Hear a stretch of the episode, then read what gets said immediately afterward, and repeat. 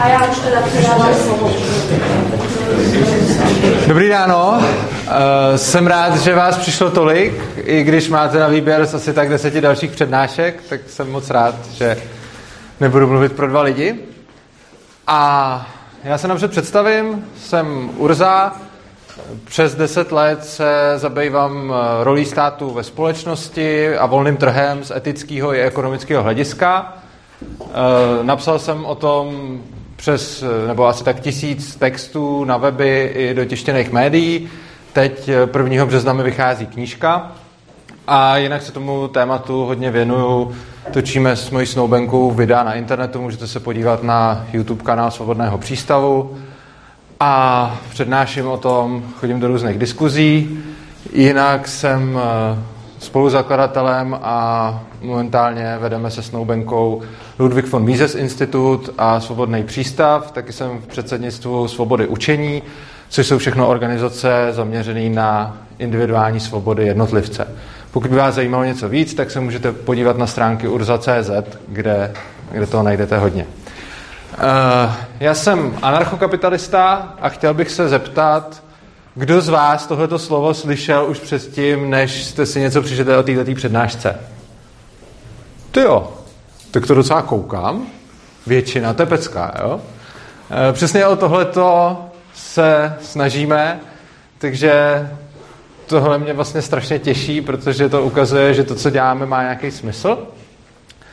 A teď bych se chtěl zeptat, kdo si myslí, že, nebo kdo, kdo ví, co to slovo znamená, nejenom, že ho slyšel.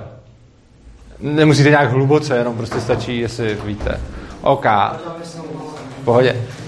Takže, uh, co je to anarchokapitalismus? Anarchokapitalismus je nějaký myšlenkový směr, založený na svobodě, vlastnických právech a principu neagrese. A princip neagrese ve zkratce znamená to, že fyzický násilí smíte používat pouze, když se něčemu bráníte a ne k tomu, abyste k něčemu nutili jiný lidi, pokud vám tyhle lidi nic nedělají. Z toho mimo jiné plyne, že anarchokapitalisté odmítají stát jakožto asi největšího agresora, kterého tady v současnosti máme. Proč? Protože celé fungování státu funguje, je založený na tom, že donucuje nějaký lidi k něčemu, i když nic neudělali donucuje se podřizovat přáním nějakých politiků a tak podobně. A teď co uděláme? Já když jdu přednášet na nějakou konferenci nebo podobně, tak mě tam buď o nějaké téma požádají, nebo ho s nima konzultuju. Ale když chodím do škol, kam chodím možná asi nejradši, tak vzhledem k tomu, že je otázka, jak moc dobrovolně tady jste, a sice jste dostali na výběr z mnoha přednášek, ale je tady prezenční listina a tak podobně, tak vám chci aspoň dát co největší možnost volby toho, o čem se můžeme bavit. Takže uděláme to, že já vám teď řeknu nějaké možnosti a podle toho, co se vám bude líbit, a případně i vy můžete přijít s něčím, co vás zajímá, eh, si vybereme, jakým způsobem tenhle ten čas strávíme. Co se týče témat, které mám asi nejradši a které jsou mi nejblíž, tak je to zejména za prvé ten etický aspekt státu vůbec a toho, jak to tady celý funguje. To je jedno z mých oblíbených témat a druhý moje oblíbený téma je školství a vzdělávací systém. To souvisí i s tím, že jsem členem Svobody učení, což je právě organizace zaměřená na svobodu ve vzdělávání a jejím cílem mimo jiné je odluka školství od státu. A e, dále, když se řekne nepotřebujeme stát, zrušme ho, tak určitě vás může napadnout mnoho otázek typu kdo by stavěl silnice, kdo by léčil lidi, eh, kdo by zajišťoval kulturu, vzdělávání, eh, jak by to bylo s regulacemi drog, zbraní a tak dále. Takže zase můžete si říct kterékoliv z těchto těch témat, o kterých bychom mohli probírat. Potom další možnosti jsou eh, v dnešní době populární, populární kryptoměny, o těch taky docela, o těch taky bychom si mohli něco říct, a to jak z nějakého ideového, tak z technického hlediska. A potom třeba tady vidím vašeho kolegu v tričku Institutu kryptoanarchy, což je moje srdcovka z Paralelní polis. A tady třeba náro nadhodil něco o vztahu kryptoanarchie a anarchokapitalismu, tak i o takových věcech se můžeme bavit. A kdybyste chtěli něco jiného, tak můžete říct. A protože nezáleží jenom na tom, kolik lidí co chce, ale taky jak moc to chcete, takže kdo by měl o něco zájem, ať se přihlásí a řekne to, schválně, jestli se tady někdo najde. OK, tak dva se přihlásili, co, co byste rád? OK. Mě by zajímalo to fungování bez státu. Eh, no, to fungování bez státu má strašně moc témat, jo? čili eh, jako, můžeme to dát nějak povšechně, že taková diskuze většinou nedává úplně smysl, eh, protože tam je strašně moc témat, že jo? tam máte to zdravotnictví, školství a tak dále a vzít to jako jedno téma v hodině a půl většinou nedává vůbec smysl, protože je to chaos. Čili jako můžeme se o to pokusit, pokud by vás to hodně chtělo, ale spíš si myslím, že tam by bylo lepší vybrat nějakou konkrétní oblast, kterou bychom se zabývali. Tak mě napadá konkrétně třeba to, jak by fungovala podpora v nezaměstnanosti, sociální dávky a podobně. Dobrý, tak to máme jeden návrh. Tady druhý byl jaký? No, no, to se říká jako první. Uh, ten etický aspekt státu, dobře. Uh, dobrá? A já bych třeba ráda vzpomínala, uh, jak funguje ten stát v současné době a ještě vzdělávání. A vzdělávání. OK. A... Jo, to je mimochodem asi tak nejtěžší téma, o kterém můžeme mluvit, ale má to dva, eh, dva zádrhele. Za prvé, je k tomu potřeba chápat strašně věcí předtím, takže je možný, že se v tom budeme do jisté míry ztrácet. A uh, druhá věc je, já o tom budu mít teď, pokud to někoho zajímá, uh, přednášku 14. března v paralelní poliska, můžete určitě přijít a přesně tohleto téma tam bude. Každopádně potom ještě, jak tady byla ta otázka na obecní fungování ve společnosti bez státu, tak na to bych mohl... Eh, existuje věc, která se jmenuje nemožnost ekonomické kalkulace v centrální plánování, což je v podstatě univerzální důvod, proč stát poskytuje služby špatně a proč je volný trh eh, dokáže poskytovat lépe. Takže se můžeme zabývat i tím. Takže máme tady nějaký nadhozený témata, jsem rád, že jste si nějaký vybrali a teď se, eh, teď se teda podíváme, kolik lidí by co zajímalo. Takže můžete zvedat ruku i pro víc. Eh, první teda to moje oblíbený, ta kombinace nějaký morálky státu s tím vzděláváním. OK. Potom jsme tady měli eh, sociální eh, záležitosti. Tak stejně. Potom jsme měli obranu, která je teda složitější. OK, tak obranu chce asi nejvíc zatím. A co jsme měli to poslední? Uh, jo, etickou, jo, tu etickou stránku věc, tak etická stránka uh, toho, jak funguje stát. OK, takže nejvíc uh, tady má, nejvíc zase má ta obrana, což je trošku škoda, protože je to fakt asi nejtěžší téma, ale co se dá dělat, vybrali jste si to, uh, tak nějakým způsobem se můžeme bavit o tom, uh, jak by se taková společnost, kde není stát, mohla bránit uh, jiným společnostem, kde, stát, kde státy jsou. Dáme tomu třeba nějakou půl hodinku a pak, pak aby jsme se dostali ještě k nějakým těm dalším tématům. Takže, uh, první věc, kterou je třeba si uvědomit, když nemáte stát, tak uh, lidi budou mít zájem o nějakou ochranu, kterou momentálně třeba zajišťuje policie. A to teď vůbec se nebavíme o vnějším nepříteli a útoku armády, ale bavíme se o tom, když vás někdo okrade, když se k vám někdo vloupá a tak dále. Protože lidi by měli zájem být chránění proti uh, podobným, řekněme, vlivům, uh, tak by za to byli ochotní na volném trhu platit. Teď za to platí jenom málo lidí, protože, respektive takhle, platíme za to úplně všichni skrze daně, ale navíc si za to připlácí relativně málo lidí, protože tady máme nějakou policii. V momentě, kdybyste měli volný trh a neexistovalo by žádný donucení lidí, že se něco musí platit, a to je vlastně jedna z těch eh, etických výhod eh, tohoto postavit takhle, že momentálně vlastně všichni, ať chcete nebo nechcete, si musíte platit za, za to, že tady máte nějakou policii, která dělá x věcí, které vás víceméně některý z nich vůbec nemusí zajímat. Takže všichni z vás si platíte za to, že policie, já nevím, někomu jinému reguluje zbraně nebo drogy nebo něco takového, co, co vám může být vlastně i jedno, nebo někomu není, ale někomu rozhodně může být. A stejně tak lidi, kteří si myslí, že se proti různým uh, útokům jsou schopni bránit sami, uh, tak i ty jsou nucený uh, si něco takového platit. Samozřejmě můžete říct, nikdo se sám neubrání proti nějaký mafii, a to je pravda. Druhá věc je, že proti nějaký mafii neubrání většinou ani policie, ale je každýho věc, co si vlastně rozhodne a je každýho věc, jestli to chce risknout nebo nechce.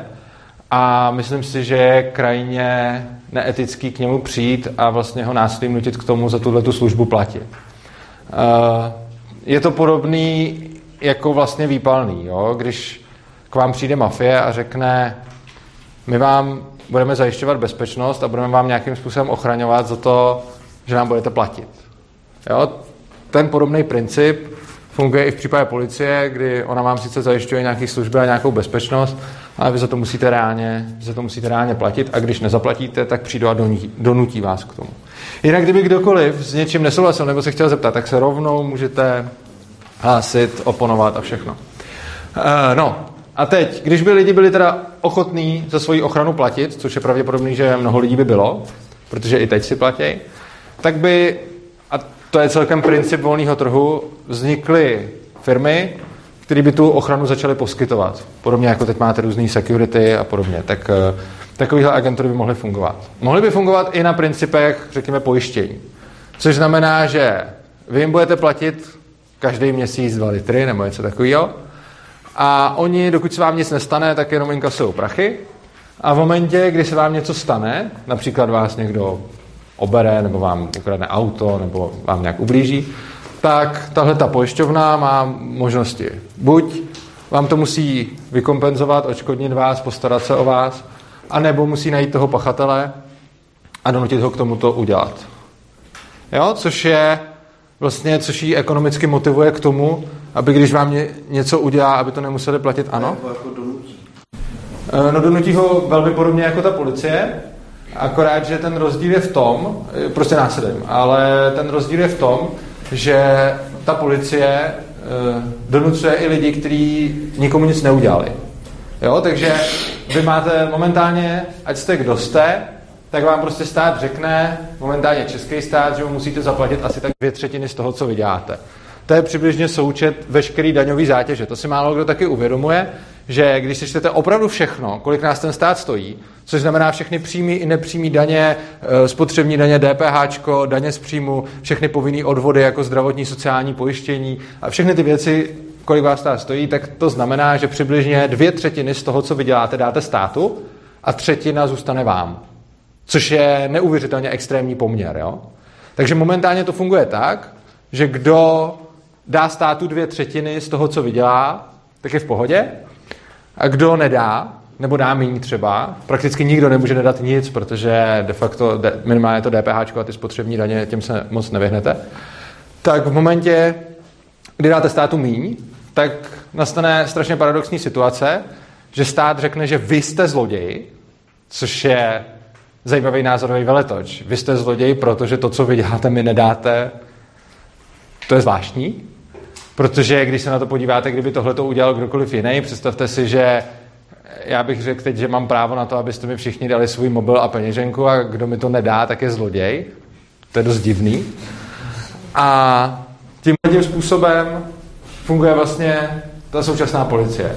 Uh, takže ten rozdíl, takže ta odpověď je, donutila by ho násilím, podobně jako dnešní policie, ale ten rozdíl je, že dnešní policie donucuje i lidi, kteří něco neudělali, jenom prostě, aby zaplatili. Další dotaz? Samozřejmě logicky my platíme daně za nějaké služby, co nám stát za to poskytuje. Určitě. Víš, pokud my pak platíme dvě třetiny, ano. A tak jak zajistíme potom, jakmile stát zmizí, že se tady ten poměr, že ten poměr zůstane, anebo bude menší. Protože uh, když budeme mít kapitalismus, tak ty prostě ty firmy samotný si budou diktovat, kolik za, to, za tady ty služby si budou účtovat. A kdo je zastaví od toho, aby ty ceny šly pořád nahoru a nahoru a nakonec tomu člověku nezbylo vůbec. Tak. Teď se dostáváme od obrany eh, k úplně jinému tématu a to je, ten, eh, to je ta ekonomická kalkulace. Kdo je pro, abych k tomuhle tématu přešel a zodpověděl otázku, ať zvedne ruku. Všichni, super. Čím se ale to teda znamená, že se dostáváme pryč od té obrany a nevím kdy a jak se k ní dostaneme. Ale můžeme se k ní dostat. Ale protože všichni chcete, abych zodpověděl otázku, tak, eh, tak zodpovím otázku. Jedná se o následující věc. Všichni znají na nějaký bázi princip tržní konkurence. Což znamená, že když já začnu poskytovat nějakou službu a poskytuji za moc peněz a jsem prostě drahej, tak výsledkem je, že já hodně vydělávám a ostatní lidi to vidějí. A vidějí to nejenom ty moji zákazníci. Oni to vidějí hlavně všichni potenciální podnikatelé, kteří chtějí taky vydělávat hodně peněz. Takže já něco poskytuju, a oni si řeknou, hele, tohle začnu poskytovat taky, protože chci taky hodně vydělávat. No a protože já mám zisk na tom prostě 50%, tak on si řekne, já mu přetáhnu zákazníky a budu mít zisk 45%. Tak to tak nahodí. Přijde další a další a další. Čímž pádem ta cena takhle klesá. A ty lidi se vzájemně nutí k tomu, aby tu cenu snižovali. Takže úplně stejně, jako máte normálně trh s jinýma věcma, kde se taky neděje to, že když máte třeba elektroniku a někdo vyrobí, já nevím, počítač, sluchátka nebo kameru, tak taky si neřekne, hele, já to teď budu prodávat prostě za 100 tisíc. Proč? Protože když někdo jiný to samý prodá za 10 tisíc, tak se to všichni koupí od toho, kdo to prodá za 10 tisíc. Čili ty lidi se vzájemně v podstatě drží v šachu a neumožňují si zvednout ty ceny, protože samozřejmě kdokoliv to může udělat, ale pak ztrácí zákazníky. A oni si to budou koupit někomu jinému, kdo dá ty ceny menší. A teď je strašně důležitá věc ohledně té uh, ekonomické kalkulace. Je tohle, co jsem říkal, vlastně všichni vědí. A není to asi žádná novinka, řekl bych možná pro někoho z vás. Ale teď ono to má určitý dalekosáhlý důsledky. Ty důsledky jsou následující. Vy poskytujete nějakou službu, jakoukoliv. Ta služba vás stojí nějaký náklady. Řekněme, že budete provozovat fotbalový klub. Náklady na fotbalový klub jsou, že platíte stadion, že platíte hráče, že prostě platíte nějaké vybavení a tak dále. Platíte si reklamu. Tohle to jsou vaše náklady na fotbalový klub. Potom ten fotbalový klub poskytuje lidem nějaký benefity. Konkrétně v případě fotbalového klubu, těm, kdo mají rádi fotbal, tak poskytuje benefity, že si můžou zarelaxovat, dívat se na to v televizi, eh, můžou si jít na fotbal a za to jsou ochotní platit eh, vstupný, anebo v té televizi nepřímo, že se koukají na nějaké reklamy, které tam někdo umístí a tyhle ty lidi za to potom platí. Což znamená, že máte nějaký náklady a máte nějaký přínos pro lidi. V momentě, kdy nemáte nástroj, peníze, Mimochodem, peníze jsou jedním z nejgeniálnějších vynálezů lidstva. A to zdaleka ne z toho důvodu, eh, který jim všichni většinou přisuzují, a to je, že, já nevím, máme nějaký jakože kreditní systém, aby jsme posuzovali zásluhy lidí. Peníze mají jednu naprosto úžasnou funkci, která je hrozně často opomíjena. A to je přenos informací. Skrze peníze probíhá a ceny probíhá obrovská míra informací, kterými se lidi sdělují, jaký jsou jejich preference, co chtějí, čeho si jak moc váží a co má jakou vzácnost. Konkrétně, když se vrátím k tomu příkladu fotbalového klubu. Ty všechny náklady, kdybych neměl peníze, tak vidím, co, co potřebuju. Čas hráče, čas trenéra, nějaký pozemek. Tak mám dobře, OK, to jsou moje náklady. A teď moje příjmy, teď moje jako přínosy pro, pro ty lidi, já někoho bavím jak porovnat tyhle ty statky. Jak porovnat, jak moc přinesu tou zábavou těm lidem s tím, že mi to stojí pozemek a x času, x lidí. Tyhle ty věci jsou reálně neporovnatelné, protože pro každého člověka to má subjektivní hodnotu. Třeba pro mě, který fotbal vůbec nezajímá, má ten fotbalový klub přínos nula. Pro mě ten klub je úplně k ničemu. Jo, protože mi nedává vůbec nic. Pro skalního fanouška fotbalu, který tím žije, to má přínos obrovský. Podobně jako pro všechny lidi, kteří se na to rádi koukají a relaxují u toho. A teď ty lidi, kteří do toho něco investují, teď ten stadion někde stojí a teď místo toho by tam mohl stát supermarket, park, domy, cokoliv. Co jsou další věci, které přináší lidem jako nějaký, nějaký přínos. Dokud nemám peníze a nemám ceny, volnotržní ceny, nikoli centrálně určený, k tomu se za chvíli dostaneme, tak nemůžu zjistit, jak si těch dvou věcí lidi vážejí. Ale v momentě, kdy vstupují do hry peníze a ceny, tak lidi nějakým způsobem tou tržní cenou oceňují ty statky, které já spotřebovávám. Což znamená, že já na to, abych na tom pozemku postavil svoje fotbalové hřiště, tak musím přeplatit ostatní nabídky. Jo, musím za to dát prostě, musím za to dát nejvyšší, musím za to dát nejvyšší nabídku. Podobně jako pro všechny ty hráče. Oni, kdyby měli lepší práci, tak jdou dělat něco jiného. Takže já musím být ten, kdo jim zaplatí, zaplatí nejvíc. Tímhle tím volnotržně ocením, jaká je pro lidi cena těch zdrojů, který já spotřebovávám. A na druhou stranu, z toho, kolik já vyberu na vstupným skrze reklamy a podobně, zase zjistím, jak moc lidi oceňují tu věc, eh, kterou já produkuju. A teď je to jednoduchý. Momentě, kdy jsem v zisku, tak to znamená, že ty lidi dávají větší přednost tomu, co já produkuju, před tím, co já spotřebovávám. A v momentě, kdy se dostanu do ztráty, tak mi to signalizuje jednu věc. Ty zdroje, které já spotřebovávám, jsou pro lidi vzácnější, než to, co já jim poskytuju. Komu tohle, to, co říkám, dává smysl? Hm, to je zajímavý. Uh, no a teď. Uh, je tady někdo, kdo by s tím nesouhlasil? No dobrá, ale tím se dostáváme už v podstatě k dalšímu kroku. Pokud s tímhle tím, co jsem teď říkal, souhlasíte, tak zcela logicky musíte za prvé odmítnout všechny dotace a za druhé státem poskytované služby. Proč? Představme si, že já na ten klub začnu dostávat nějakou dotaci na sport. V tu chvíli na to nedostávám peníze, kterými lidi dobrovolně zaplatili. A nedostávám peníze, který, kterýma oni si ohodnotili tu vzácnost, jakou to pro ně doopravdy má. Co jim to skutečně přináší a co oni jsou ochotni za to dát. V tu chvíli, když začnu dostávat dotace, tak začnu dostávat peníze, které jsou všichni donucený zaplatit. A to, co já si vydělám, už přestane záviset na tom, co já poskytuju těm lidem a za co oni mi jsou ochotní dobrovolně zaplatit a říct, my si ty věci, kterou poskytuješ, vážíme natolik, že za ní zaplatíme x peněz, ale dostávám ty peníze od toho státu, který je vybral od těch lidí bez ohledu na to, jestli oni to chtějí nebo nechtějí. A v tu chvíli tenhle ten mechanismus přestává fungovat. Takže pokud já musím být dotovaný na to, abych vůbec jako přežil s tou firmou, tak to znamená, že já plejtvám zdrojema. A znamená to, že ty zdroje, které já spotřebovávám, jsou pro lidi cenější, než to, co já jim poskytuju. Protože když nepřežiju bez dotací, tak to znamená, že plejtvám. Ten, těch příkladů můžeme dát hodně. Nemusí to být uh, sportovní klub, může to být nějaká volnočasová, třeba řekněme bazén. Jo? Město postaví bazén. A teď, když říkám stát, tak tím myslím zároveň i města. Prostě všechny ty, uh, všechny ty způsoby, kde ty peníze nejsou vybírané dobrovolně, ale někdo je donucený zaplatit a pak se ty peníze rozdělují. Tak když někde, v nějakým, nějaký lokalitě, je výhodný provozovat bazén, takže si na vstupným na něj vydělám, tak tam to znamená, že tam si lidi víc váží bazénu než prostoru, času plavčíka a všeho ostatního, protože za tyhle ty všechny věci oni jsou ochotní zaplatit míň, než za to, že si tam jdou zaplavat. Jo?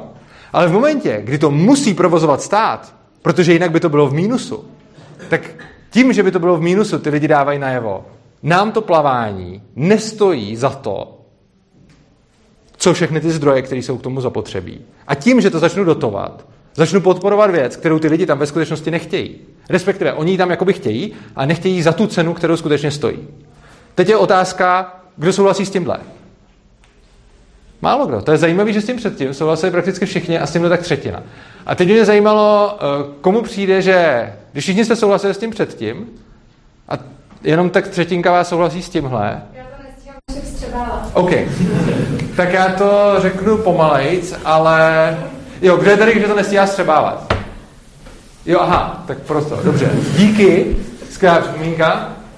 Uh, tak to uděláme tak, že uh, si něco nakreslíme. Máme přídu, máme. Takže.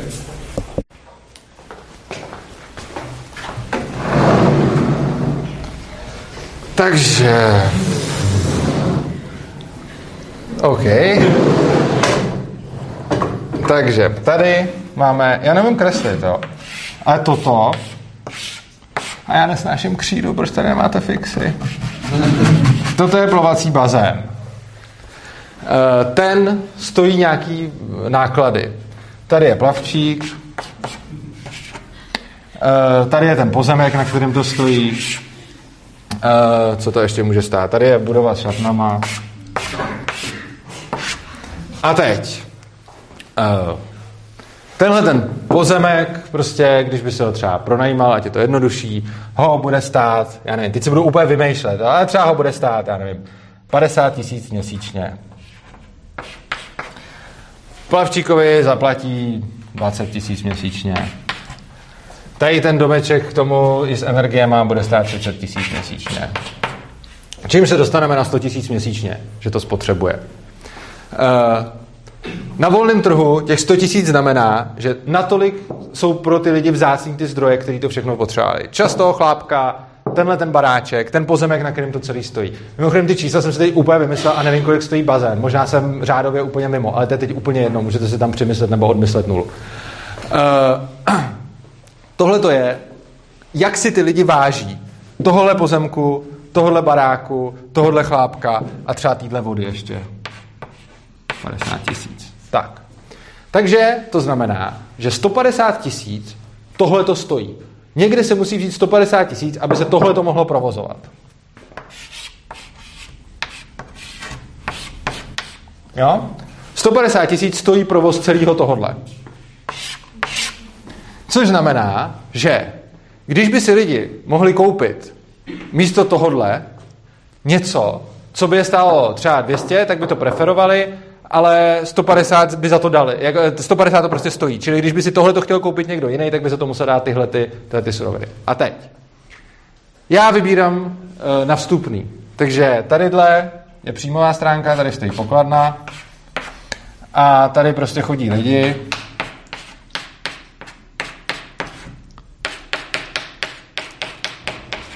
A každý z nich tam přinese prostě dvě stovky za to, že se tam může jít vykoupat na chvíli. A teď oni tam chodějí a za měsíc řekněme, že se od nich vybere 200 tisíc. Jo, dají 200 tisíc každý měsíc dobrovolně z vlastní kapsy za to, že se tam můžou chodit koupat. Co tahle ta situace znamená? To znamená, že tyhle ty zdroje, všechny, jsou lidma ocenovaný na pouhých 150 tisíc Protože kdyby byly navíc, tak si to koupí někdo jiný. Jo, kdyby za tohleto celý třeba já bych si řekl, já tady nebudu dělat bazén, já tady chci postavit supermarket a ten mi tam vydělá ne 150 tisíc a vydělá mi tam prostě 200, tak já mu zaplatím tady za to 160 a tím pádem už je to moje. Jo, chápete ten princip? Jako to, že ty náklady jsou 150 tisíc, znamená, že ta společnost si tohle to všechno cení na max 150 tisíc. Tohle to je každému jasný nebo ne? Jo? OK. Když ty lidi dají 200 tisíc za to, že se sem můžou chodit koupat, tak to znamená, že tady je podnikatel a podnikatel má zisk 50 tisíc měsíčně a to znamená ale, že na to, aby měl ten zisk 50 tisíc měsíčně, v tomhle případě, tak on ho má proto, že těm lidem dá něco, o co si oni prostě cení víc než těch zdrojů. On změnil svojí prací svým nápadem tyhle ty všechny zdroje, které stály 150 tisíc, na jiný zdroje, na jiný jako statky, který stojí 200 tisíc.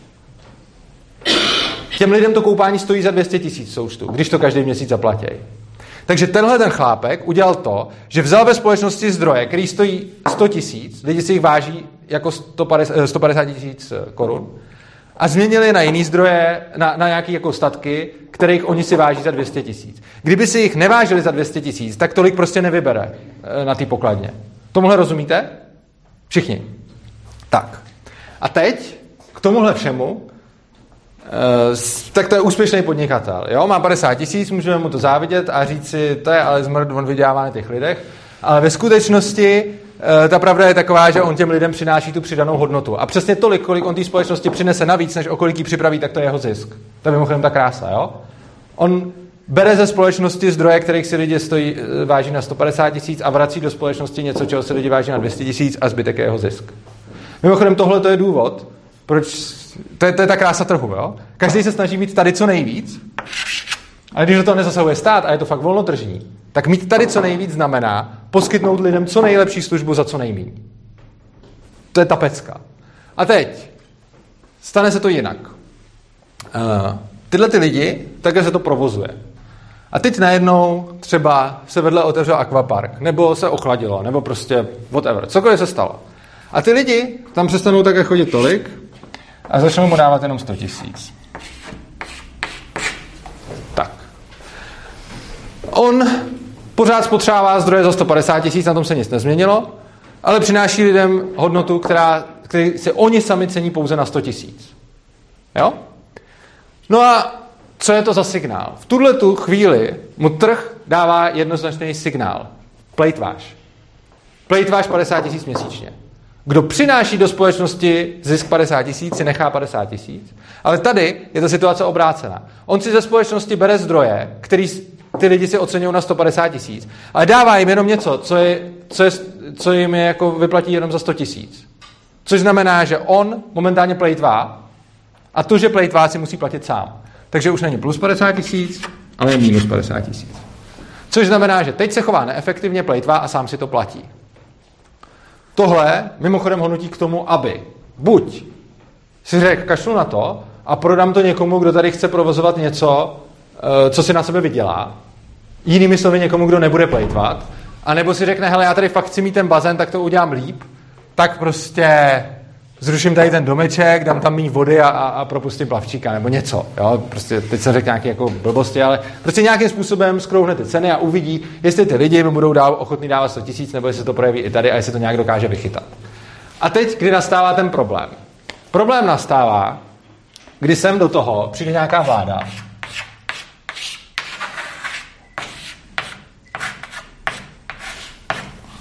tak, uh, to je jakoby taková budova, no, dobře. A teď on řekne, fňuk, fňuk, máme tady veřejný zájem, aby se lidi mohli koupat. A to je hrozný, já na tom prodělávám 50 tisíc měsíčně, ale ty lidi se fakt chtějí koupat, oni to mají rádi a podepište všichni petici, že se chcete koupat. Ty lidi podepíšou petici, protože to nic nestojí, že jo? Ale tím, že tady už nedávají 200 tisíc, ale dávají tady jenom 100 tisíc, dávají najevo, že prostě to nechtějí tolik, kolik to stojí zdrojů. Když jim šoupnete petici, na který nebudete vůbec řešit ty prachy, a jenom řeknete, chcete koupaliště, tak každý se podepíše, jo, proč bych nechtěl koupaliště. Že? Ale tenhle ten stav světa už znamená, že oni to koupaliště chtějí méně, než kolik to stojí. No tak on přijde a začne tady fňukat a vláda řekne, hele, OK, tak z toho uděláme neziskovku nějakou, ty už teda nebudeš mít ten hnusný kapitalistický zisk, mimochodem ten zisk měl proto, že těm lidem něco přinášel. Ale dáme ti těch 50 tisíc, který ti chybí. Jo?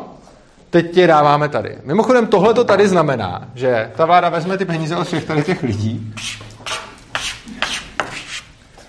a jediný, co řekne je, vy tady, když nechcete dobrovolně platit tady u té budky za to, abyste se tam mohli koupat, tak budete muset všichni to zaplatit sem a pak mu to stejně dáme. Jo? A teď, teď jako ono, aby tady se dalo 50, jo, tak kolik se vybere tady? Jo? Určitě to nebude 50. A to i kdyby tam nebyla žádná korupce a i kdyby tam nebyly žádný ty negativní vlivy, tak tady jsou lidi, kteří musíte platit. A i kdyby všechno fungovalo takovým tím úplně ideálním stylem, že všichni, nikdo není podvodník, všichni ty úředníci jsou ideální a tak dále, tak tady se vám ztrácí nějaká hodnota. Jo? Takže když oni nejsou schopní platit ty peníze za to dobrovolně, tak jsou k tomu donucený násilím a musí platit ještě víc. Jo? A teď se mu to dává, protože se řekne, že je ve společenském zájmu provozovat koupaliště a on je teda teď aspoň na nule a už to není teda zlej podnikatel a je to chudáček, který provozuje neziskovku. Jo, takže jsme tady měli případ zlýho kapitalisty, který hrozně ožebračoval lidi, protože vydělával 50 tisíc měsíčně, jenže zatím je to, že on přidá těm lidem nějakou hodnotu. No a teď tady máme příklad chudáčka neziskovky, která provozuje bazén a vůbec nic si na tom nevydělá, ale ve skutečnosti to celé stojí ještě víc, ale hlavně to nejsou peníze, které jsou ty lidi ochotní dobrovolně zaplatit. Takže se tímhle tím zásahem se vůbec nic nezmění na tom, že ty lidi si ve skutečnosti ten bazén cení jenom na těch 100 litrů, který dají na tom stupném. A děje se tady plejtvání. Ten chlápek sebere 150, věci za 150 tisíc a poskytne věci za 100 tisíc. A ta vláda sebere ještě víc než 50 tisíc, aby mu ten zbytek dorovnala a tím pádem to může fungovat. Teď, uh, kdo to pochopil? První otázka. Všichni, super. Kdo s tím teď nesouhlasí? Všichni s tím dokonce souhlasí. Je zajímavý, nesouhlasí? Super, tak s čím nesouhlasíte? Nebojte, klidně to... Opravdu, hele, já, já jsem rád, když někdo nesouhlasí a budu rád, když mi budete oponovat, jako opravdu. Jakože nemusíte se vůbec obávat toho, že byste ze sebe udělal blbku nebo něco takového, určitě ne a budu hrozně rád, pokud to řeknete. Prosím. Ne? Někdo další, kdo by nesouhlasil? A vy to řeknete? Se stát jednorázově nevybere od všech lidí víc peněz jenom proto, aby zaplatili toho podnikatele. Oni to vybírají přece periodicky. Pořád Jasně. Oni to samozřejmě vybírají periodicky, to je, to je jako, do, eh, dobrá, jako dobrá připomínka. Jenže tady se žádný ty peníze negenerují, tady se jenom spotřebovávají. Oni prostě něco vyberou tady od těch všech, jako dohromady, a potom to dávají někam sem. A není to tak, že protože on chce bazén, tak oni kvůli tomu by zvýšili celý ten výběr. Ale za prvé, když těchto těch bazénů tady bude najednou jako 100, a nebudou to jenom bazény, budou to ještě ty fotbalové kluby, budou to knihovny, budou to prostě dalších milion věcí, které ten stát musí financovat, tak nakonec se tenhle ten celkový výběr zvýší. To za prvé. A za druhé, když začnou těch 50 tisíc dávat sem, tak je nebudou dávat někam jinam. Jo, oni někde budou chybět. Jo. Důležité je uvědomit, že tady tohle negeneruje žádný prachy. Jako, že by to vybralo prostě bilion a vygenerovalo to a rozdalo to bilion a půl. Ono to vybere bilion a půl a rozdá to biliona a celá čtyři třeba. A něco to spotřebuje na svůj provoz. A teď to rozdá do takhle debilních projektů, což je ještě další plejtvání, jo, protože všechny tyhle ty peníze jsou jako úplný waste, jo, to je prostě vyplejtvaný, protože oni jenom vlastně podporují to, aby tady mohl dál běžet model, který nefunguje a který ty lidi nechtějí. Vy nesouhlasíte? No trochu, jenom jakoby vy říkáte, že ten stát musí zasponzorovat ty projekty. Nemusí je všechny zasponzorovat. No nemusí, ale právě eh, ten problém je v tom, že to, jestli je zasponzoruje nebo nezasponzoruje, jako každý, který se rozhodne zasponzorovat, logicky bude vypadat takhle. Každý musí, jakoby, my se tady o tom, že v tenhle moment ten projekt ztrácí 50 tisíc, ale ty projekty většinou jsou zaměřené na to, aby do budoucna se ten zase ty peníze vrátily do nějaké státní kasy přes třeba daně. No jo, ale ty daně nejsou ta dobrovolná platba. Což znamená, že te, ten obrovský rozdíl je v tom, že tady ty peníze, které ty lidi platí na tohle, a teď nejde vůbec o to, jestli je zaplatí u kasy, nebo jestli si je někde budou platit na nějakou službu měsíčně, jestli budete platit dobrovolné pojištění nebo něco takového. To je úplně jedno, jako. důležité je, že jsou placeny dobrovolně. Když je ten člověk platí dobrovolně, tak tím říká, já si těch peněz cením míň, než té služby, kterou za to dostanu. Ale když ho stát donutí ty peníze zaplatit a pak z toho tohleto financuje, tak ten člověk nedává najevo, já si těch peněz cením méně než ty služby. Naopak tím, že je tam nezaplatí sám, dobrovolně, dává najevo, já si ty služby cením méně než těch peněz. Samozřejmě, když člověk přijde k té kase a už zaplatí, tak se ty peníze dostanou do té organizace samotné, která A. dostává ty dotace a ta je zase odevzdá dál. Takže se to No, není- do té kasy spíš, než když si to prostě někde bude dávat po postav. A Eh. pak v ten moment, ano, ty dotace z- nejsou nějak jako v- úplně asi dobře v ten moment, ale když my uděláme to, že my tu do- dotaci dodáme, tak v ten moment potom nějakým, nějakým prostě horizontu třeba deseti let může dojít k tomu, že ta firma najednou začne prosperovat a tudíž se odevzdá víc na daních a No. té firmy samotný a A to jsou dvě věci. Za prvé, není to jako perpetuum mobile, ve smyslu, vy nemůžete generovat prachy z ničeho. Čili když ta firma začne jako generovat a část toho odezdávat na daních, tak když jsme do ní napřed nasypali jako X a ona potom začne jako trošku z toho vracet na daních, tak, tak je to pořád ztrátový. To za prvé. Za druhé, uh, samozřejmě, že každá firma v začátku bude v mínusu. Ale otázka je, kdo bude riskovat a kdo ponese ty náklady. Tady, na začátku, nese ty náklady tenhle chlápek, protože on, když to celý musel postavit, tak ho to nestálo jenom těch 100 tisíc, tak ho to stálo prostě několik mega. A on to postavil za několik mega s tím, že mu to pak bude vynášet 50 tisíc měsíčně. A teď, když to typnul dobře, tak vydělává, a když to typnul blbě, tak prodělává. A teď, uh, dobrý den, a když to typnul blbě, tak prodělává. A teď to jako důležité na tom je, že ty dotace typicky nejsou na projekty, že řekneme, hele, tahle ta firma je teď v mínusu, tak jí dáme prachy, ona se zmátoří a pak začne vydělávat. Ty dotace jsou typicky na notoricky ztrátové projekty, protože se řekne, tohle musíme dotovat, protože jinak by to zkrachovalo. A vůbec se nepředpokládá, že to někdy bude v mínu, že to někdy bude v plusu. Jakože dotace takovým věcem, jako jsou, jako, já nevím, třeba zrovna tyhle taky ty, jak se říká, veřejně prospěšný, tak tam se neočekává, že to dotujete proto, aby se z toho stal ziskový projekt. I kdyby to tak bylo, tak je to špatně, ale Ono se to vůbec jako hlavně neočeká, když dotujete, já nevím, knihovnu, tak ji nedotujete proto, že teď ji budu pět let dotovat a ona potom bude strašně zisková. Vy dotujete proto, že řeknete, oni to lidi potřebují a tady vidíte tu petici, protože ji všichni podepsali, no jasně, že podepsali, protože to nic nestálo. Takže to chtějí, takže musíme nutit, aby to platili. Ale kdyby to opravdu chtěli víc, než kolik je to stojí, tak to zaplatí sami. To je jako ta poenta. Logicky, já samozřejmě souhlasím s názorem toho, že sociální, tady tenhle ten příklad sociálního státu není úplně dobře. Ale když se potom podíváme na, na myšlenku toho, ten stát opravdu vydává ty peníze jako třeba na, už na ty dané knihovny, tak poskytuje zase nějaké další služby za ty daně. Tudíž otázka je, jak moc jsou ty daně pak uměrný tomu, co ten stát poskytuje. No, tady bych se rád vymezil, uh, první jenom dotaz. Uh, koho tohleto téma už začíná jako nudit a chce přejít k jinému třeba k té obraně? A kdo u něj chce ještě zůstat? OK, většina chce ještě zůstat, tak u něj chvilku ještě zůstaneme a pak se, uh, pak se přesuneme dál. Uh, takhle. Já bych se jenom rád vymezil, protože to je, jako říkáte pravicový názor, já to nemám rád, já se nepovažuji jako za pravičáka, já jsem anarchista a mm, celkově prostě jsem proti státu a to neznamená, že jsem jako pravičák. Uh, a uh, vy říkáte, vy říkáte, že když bude provozovat knihovnu, takže to dá nějaký, nějakou jako hodnotu navíc. No dobře, představme si tady místo toho bazénu knihovnu. Jo? Tohle teď není bazén, ale je to knihovna a jinak je ta situace úplně stejná. Ono se nemění vůbec, ale vůbec nic. To, co ta knihovna těm lidem dodává, je půjčení knížek, dodává jim já nevím, nějakou pohodičku tam, že si tam můžou zajít do ticha. A prostě jenom místo toho, aby se šli vybít tak, že se budou zaplavat, tak si budou někam učit, budou si tam sednout, dají si tam kafe, budou tam mít internet, budou tam mít klid na studium a tak dále. Principiálně je to, samozřejmě je to úplně jiná aktivita, ale pořád je to, že máte instituci, která něco poskytuje lidem a něco stojí. No a to, že je to knihovna, nebo jestli je to bazén, to je úplně jedno. Ty lidi si do nějaké míry cení toho, že třeba mají místo, kam se můžou jít učit a počít si tam knížky a, a surfovat na internetu. A za to něco dobrovolně jsou ochotní zaplatit.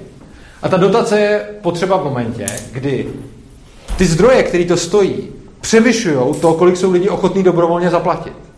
Ale ten, ta samotná situace, kdy vás něco stojí víc zdrojů, než kolik za to lidi jsou schopni dobrovolně zaplatit, to znamená, že lidi jsou ochotní víc zaplatit za ty zdroje, který to spotřebovává, než za to, co to produkuje. Což znamená, že ty lidi víc chtějí to, co to spotřebovalo, použít jinde, než to, co jim to přináší. Protože cena těch zdrojů stoupá s tím, jak ty zdroje chtějí být použitý jinde.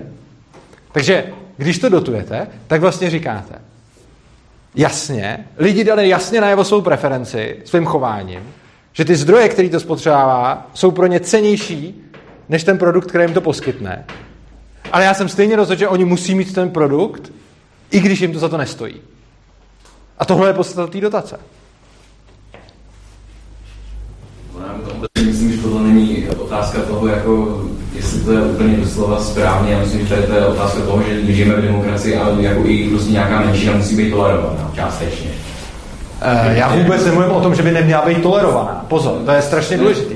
Já nemluvím o tom, je, je přece rozdíl mezi tím, když toleruju toho, kdo chce mít knihovnu, nebo jiný názor, nebo bazén, nebo cokoliv. A nebráním mu v tom, aby si na svým, za svý, s lidma podobného smýšlení a podobně postavil svoji knihovnu, bazén a já mu do toho nebudu zasahovat. To je tolerance. Ale dotace není tahle tolerance, že já mu to toleruju. Ta dotace znamená, že já, který ho vůbec nezajímá fotbal, musím přispívat na fotbalový klub. To není o tom, že bych netoleroval fotbal. Mně to jedno, ať si všichni chodí na fotbal, ale já to nechci platit. No ale tak jde o to, že tímhle by to vedlo k něčemu, že bychom tady neměli žádný knihovny, nic bychom tady vlastně neměli, protože pochybuji, že taková uh, uh, knihovna, která, kterou já platím 60 korun za rok, jenom proto, abych zkoušela prostě tři knížky, takže by se prostě užívala, kdyby to měl nějaký podnikatel od rukou. No to je přesně ten problém. Vy máte pocit, že za tu knihovnu platíte 60 korun za rok. Vy za tu knihovnu nevím, jestli odvádíte nějaký daně, jestli jste někde na brigádě, platíte ve skutečnosti víc než 60 korun. Uh, a teď, vy buď za tu knihovnu, jste, třeba řekněme, že ta knihovna by potřebovala, aby přežila, abyste neplatila 60, ale abyste platila 200 korun. Buď jste ochotná zaplatit 200 místo 60, nebo 300, nebo já nevím kolik, jo. A v takovém případě dáváte najevo, že tu knihovnu tam fakt chcete. Ale když vlastně řeknete, já jsem za to ochotná platit jenom 60 a stát to má dotovat, tak tím vlastně zavíráte oči před tím, že vy jste sice ochotná platit 60, ale ve skutečnosti musíte stejně zaplatit těch dalších 250, 150 nebo já nevím, kolik ta knihovna potřebuje. A představa, že by tady najednou nebyly žádné knihovny, je podle mě milná. Oni lidi za to tolik neplatí prostě proto, že nemusí, protože jim to teď ten stát platí. Když by jim to platit přestal, tak nějaký knihovny by se uživily, nějaký ne. Těžko předvídat, který a kolik a podobně. Ale strašně důležitý na tom je, že jsou dvě možnosti, co se stane. Buď ta knihovna zanikne, nebo přežije. Případně se bude muset nějak upravit, aby přežila. Jako třeba méně spotřebovat nebo něco víc poskytovat a lákat lidi. Když zanikne, tak to znamená, že ty lidi chtěli ty zdroje, oni sami ty zdroje, který ta knihovna požírala, chtěli spotřebovat na něco jiného. Jo? To dali najevo těma cenama. A v tom případě je dobře, aby zanikla. A nebo přežije, ale přežije proto, že lidi si víc cení těch knížek. Takže kdybyste za ty tři knížky, co si tam počíte, chtěla dát tři stovky a ne 60, tak ta knihovna třeba přežije i sama bez státu. Ale v momentě, kdy vy sama za to nechcete dát ty tři stovky, ale jenom 60, tak vy sama, i když mi tady řeknete, já mám knihovnu ráda, svým jednáním dáváte jasně najevo, že ji nemáte dostatečně ráda na to, abyste zaplatila její skutečnou cenu. Rozumíte? A souhlasíte? Nebo protože jestli pořád nemusíte klidně jako... to, jak to vnímáte No jestli to pořád vnímáte jinak, tak můžete klidně... Op... Jo, jenom nechci, abyste si mysleli, že prostě nevím, jak to tady máte nastavení, ale prostě v momentě, kdy vám něco řeknu a vy s tím dál nesouhlasíte, klidně můžete prostě dál si na tom trvat. Jo? Já vůbec a budu to naopak rád. Jo? Takže cokoliv, i když budete dál nesouhlasit, můžete to. Tam se první hlásil, potom vy. Tak. Je třeba myšlenka jakoby státem podporovaných knihoven přijde strašně sobecká, protože já jsem v knihovně byl dvakrát za život třeba a platím, platím zdaní. A to je třeba hromadná doprava. Já hromadnou dopravou jedu akorát z A pak se podívám na svoji účtenku za benzín a vidím prostě, že víc než půlka toho je spotřební DPH. No jasně. Se platí no ano, přesně tak. Jako to, to, je jako typický případ toho, že prostě, jak já jsem říkal s tím fotbalem, a jako s hromadnou, s hromadnou dopravou to mám jako úplně stejně, jo? jako taky nejezdím prostě MHDčkem, ale, ale platím ho. Jo? A tady v Praze stojí MHD asi 10 miliard ročně. Což znamená, že platíme obrovskou pálku a každý si může spočítat, jaký platí daně, jaký je státní rozpočet, tím poměrem vynásobí těch 10 miliard a zjistí, kolik na to zaplatil. E, v závislosti na tom, kolik daní platíte, to bude jakoby pár tisícovek ročně anyway, bez ohledu na to, jestli to používáte nebo nepoužíváte. Takže potom, když někdo, kdo zaplatí na, na pražskou dopravu, když někdo platí na daních třeba milion ročně, tak na tu pražskou dopravu zaplatí něco jako 10 tisíc ročně. A když tam pak je jedno jede na černo, tak to měl jednu cestu za, za 10 tisíc a stejně by mu lidi řekli, ty jsi ale parazit, že jezdíš na černo. Uh, děkuji za připomínku. Uh, spíš bych ocenil nesouhlasné připomínky, ale, ale taky dobrý. Já jsem vás chtěl takhle, je spousta věcí, já jako nechci tomu teď, aby to jako dominoval nějakým způsobem, že už jako socialismu, že prostě se o toho člověka stát vlastně postará jako ty úplně věci. Na druhou stranu je část prostě nevědomky, kde mě prostě využiju spousty služeb.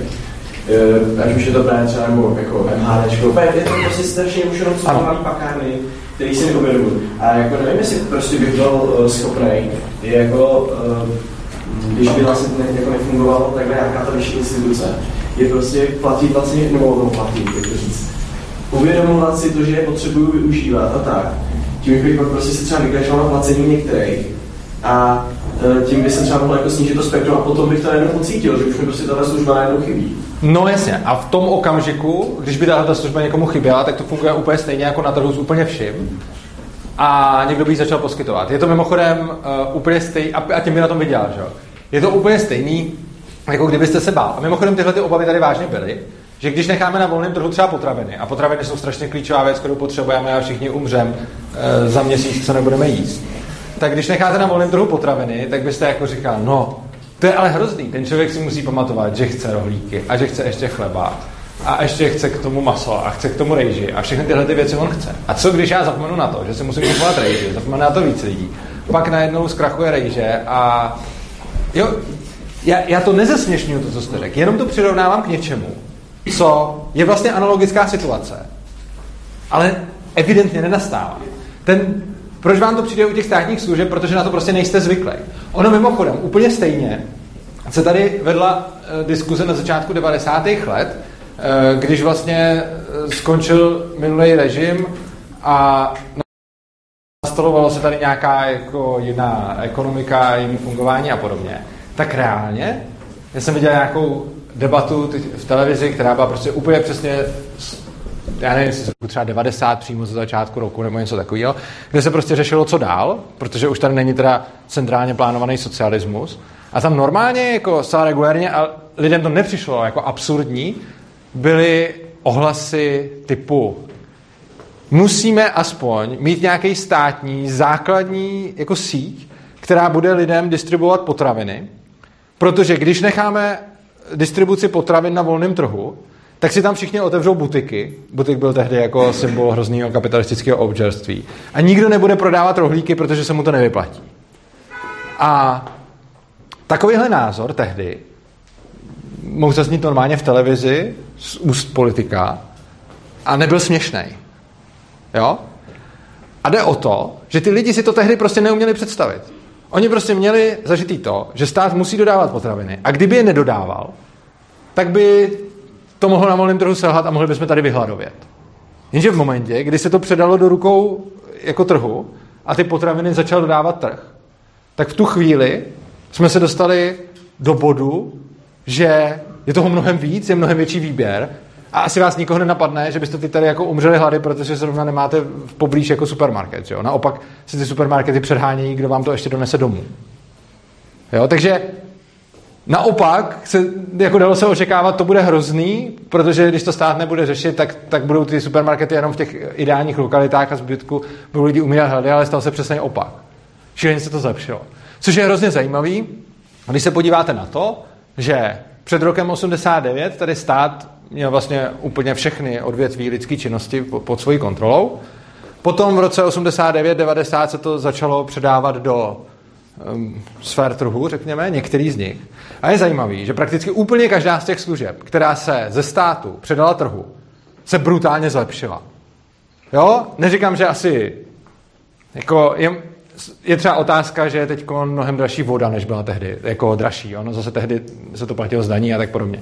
Ale když se podíváte na srovnání těch cen vzhledem k platům, tak jako je všechno brutálně dostupnější, máte prostě lepší potraviny, elektroniku, auta, nemusíte stát někde, místo toho, abyste vystáli někde fronty pořadníky a doprošovali jste se státu, jestli vám dodá to auto, tak teď naopak automobilky stojí fronty na vás a všichni se vám snaží vecpat to jejich auto. Že? Tím se to jako úplně otočilo, protože předtím vy jste se museli doprošovat státu a teď tady máte podnikatele, který vám slouží a, a dělají všechno pro to, abyste od nich nakupovali. A zajímavý je, že od těch všech, z těch všech oborů, kterých jsou prostě desítky, tak prakticky všechny, které jsme předali trhu, se brutálně zlepšily. A zrovna u těch, který jsme nepředali, bychom předpokládali, sakra, tenhle se určitě nezlepší. A je zajímavé, že předtím se, se lidi báli i u těch, kteří se předali. Takže máte dva způsoby, jak ty věci zpravovat. Socialisticky, centralizovaně a tržně. A zatím, cokoliv se vynělo ze socialistické zprávy a předalo se trhu, tak funguje najednou mnohem líp. Ale z nějakého důvodu pořád věříme, že zrovna náhodou ty věci, který, u kterých se to neudělalo, takže se bojíme. Což je mimochodem strašně zajímavý, že když si vezmete problematiku typu zdravotnictví, vzdělávání a tak podobně, to jsou strašně složitý věci. Že? Jako systém vzdělávání, já se tím třeba docela zabývám, tak to je něco strašně složitého. Každý se může vzdělat jinak. Existuje obrovská spousta teorií.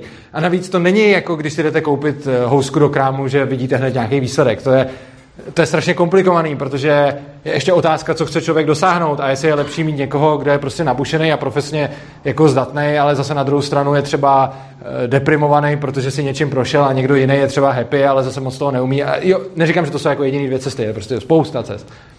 A teď my vlastně tvrdíme, že ten stát, který nedokáže, a víme, že nedokáže, dodávat lidem toaleťáky, a to je docela jednoduchý úkol, protože máte celkem konstantní počet lidí, kteří spotřebávají celkem konstantní počet toaleťáků a přesto, a je to úplně jako jednoduchá věc, jo? prostě máte toaleťák, který se někde vezme, ty lidi ho kupují přibližně stejný počet.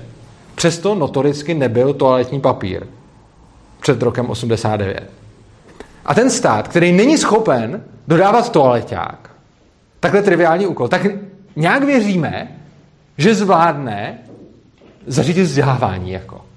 To mi přijde úplně absurdní, že si jako myslíme, že když vidíme, že stát selhává v těch úplně banalitách, takže zvládne ty fakt složitý věci líp než trh. To je, je jako tohle to úplně nechápu, ano? Mě napadá nějaký skandinávský státy, které jsou vlastně poměrně dost socialistické. Super, to je, to je, to jsem hrozně rád, že jste se zeptal. Uh, je hrozně hezký podívat se, úplně nejvíc dávají socialisti za příklad Švédsko. A je strašně, je hrozně dobrý podívat se do švédské historie.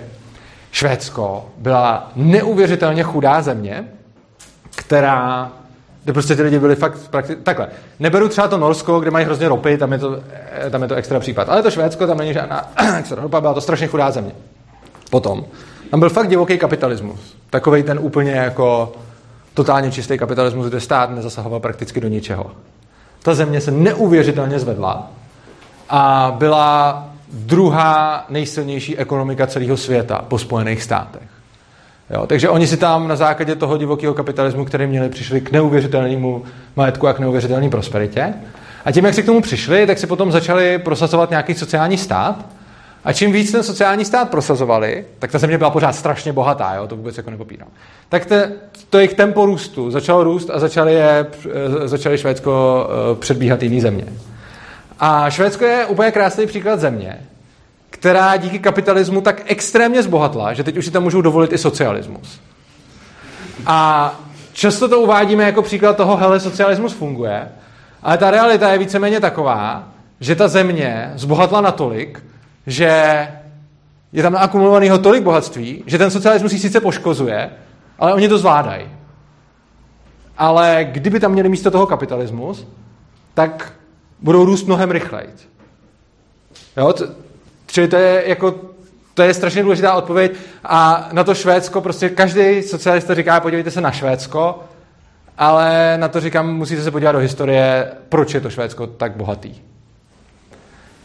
Ano? Já jsem se ještě chtěl vlastně to taky, jako, mm, když jste vlastně říkal, co vlastně všechno si jako třeba platíme, tak vlastně skrz jako ty daně a tak, tak přestože některé věci, eh, které platíme státu, by jako to třeba být musela, nebo by to mělo být jednodušší a méně, tak jako není vlastně to takový, když, vlastně ještě vyjmenoval prostě všechny, všechno si platíme v tom běžném životě a tak, Není to takový jako poplatek za jako pohodlnost, že nemusím pak řešit tolik dalších věcí? Určitě. A já jsem si naprosto jist, že když po tomhle to bude poptávka, takže na trhu se vy, vyskytne taková firma, která vám tu pohodlnost zajistí a pravděpodobně levnější než ten stát. Což znamená, že jasně, v momentě, kdy nemáte teda stát, Takhle, ono za tu samou cenu, jo. Když by vám někdo řekl, že za dvě třetiny toho, co vyděláte, vám uzavře všechny ty smlouvy s těma 20 prostě subjektama, s kterými potřebujete mít, tak to si myslím, že by byl jako dost dobrý biznis. A myslím si, že by si naopak, pokud by po tomhle byla poptávka, ty lidi předháněli v tom, že zajistí vám nějakou základní jako službu typu, že tam budete mít zdravotní pojištění, třeba sociální pojištění, nějaký hasiče, bezpečnostní agenturu, nějaký prostě tyhle ty základní služby. A někdo k vám přijde a řekne, hele, já nabízím tenhle ten balíček, budete mi platit prostě 10 litrů měsíčně nebo něco, což je stejně často méně, než to platíte teď a za to vám uzavřeme všechny tyhle ty smlouvy, které potřebujete. Zase, nevím, jestli by to takhle bylo nebo nebylo. Kdyby to o to lidi neměli zájem, tak by to nebylo, protože by se to neuživilo. A v momentě, kdyby o tohle to byl velký zájem, tak ty lidi by za to byli ochotní zaplatit pár procent navíc a ta firma se z těch pár procent navíc uživí. Uh, tak. Teď jsme zodpověděli dotazy. Uh, navrhuji, že bychom se vrátili k původnímu tématu a to byla ta bezpečnost. Kdo je pro? Všichni, super. Takže jsme mluvili o bezpečnostních agenturách, které by na tomhle principu e, zajišťovaly nějakou vnitřní bezpečnost, po který by e, lidi tak nějak toužili a kterou by potřebovali. E, tyhle ty agentury by si logicky na to museli najímat, protože tady byla otázka, jak by donutili ty zločince. Tak tyhle ty agentury by si museli najímat nějaký žoldáky, nějaký soukromý policajty, nějaký security, můžete se představit jako sekuritáky prostě. Jejich práce bude k něčemu donucovat lidi. Což znamená, že podobně jako mají teď policajti, tak je jejich práce k něčemu donucovat lidi. A to znamená, že tyhle ty lidi by museli mít nějaký taktický školení, museli by být schopní zacházet se zbraněma a podobně. V momentě, kdy máte na tom území uh, takovýhle, řekněme, entity, tak v tu chvíli vy máte Samozřejmě, když někdo tu zemi napadne, tak v rámci těchto těch služeb tam je spousta lidí, kteří mají nějakou strategickou, jako nějaký výcvik taktický a podobně a jsou schopní tu zemi bránit. To je jedna věc. Samozřejmě armáda, a to je nutno přiznat, je cvičená na jinou věc, než na jakou je cvičený policajt. Což znamená, že eh, ten, kdo dělá do základu policajta a ten, kdo dělá voják, vojáka, tak oba dva nějakým způsobem umí zacházet se zbraněma a podobně.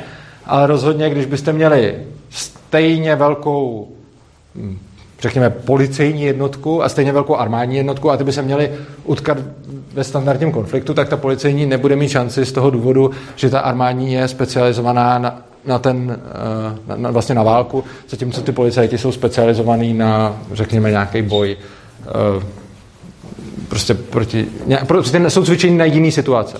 Což znamená, že je pravda, že kdybyste měli stejně silné eh, dvě jednotky, na jedné straně by byly tyhle ty bezpečnostní, ty by byly v té anarchii, na druhou stranu by byla nějaká státní armáda, tak při případě stejných sil by ta armáda velmi pravděpodobně vyhrála. A teď je strašně zajímavý, jakým způsobem se eh, vyvíjelo válečnictví. Eh, domobrana. Domobrana je síla, která byla původně relativně silná, protože dokud válečnictví nemělo nějaký hodně silný zbraně, tak eh, ta domobrana byla reálně relevantní jednotka, protože sice samozřejmě nějaký sedlák s vidlema eh, neměl strategický výcvik jako rytíř brnění a muselo jich být x na to, aby toho rytíře ubili. Eh, na druhou stranu dneska se ten poměr mnohem zhoršil, protože s tou technikou, který mají teď armády, tak ta domobrana upadá na, na důležitosti. Na druhou stranu, eh, v společnosti, která by byla, kdyby nebyly regulované zbraně, by většina lidí nějakou zbraň doma měla. Což znamená, že by mohli eh, nepřátelské armádě vzdorovat i eh, jako běžní lidi mnohem líp, než můžou teď. To je další argument. Potom, další věc je ta, že se decentralizovaný území strašně těžko dobývá a ovládá. A to se můžeme podívat do historie, to se vyzkoušeli Britové, ty byli hodně dobyvační. A je strašně zajímavé se podívat na to, jak Britové dobývali Indii, která je obrovská země, bylo tam strašně moc lidí, měla i armádu a všechno. Přesto ji dokázali poměrně snadno dobít a ovládnout z toho důvodu, že tam byla ta centralizovaná struktura. Oni porazili jejich armádu a pak využili jejich vlastní síť, kterou už tam měli, jako jejich vlastní donucovacích aparátů, k tomu, aby si tu zemi celou podrobili. Tohle to se jim podařilo celkem snadno a vládli v Indii poměrně neomezeně, ačkoliv to byl strašně silný soupeř. Oproti tomu máme Irsko. Irsko mají ty angličani úplně pod nosem. Logisticky je daleko snažší pro ně dobít Irsko než Indii. Co se týče velikosti, taky, jo, ta Indie je obrovská, to Irsko je malinký. Stejně, protože v Irsku byla ne, tam je otázka někde částečně anarchie, ale hlavně tam byla decentralizovaná ta společnost.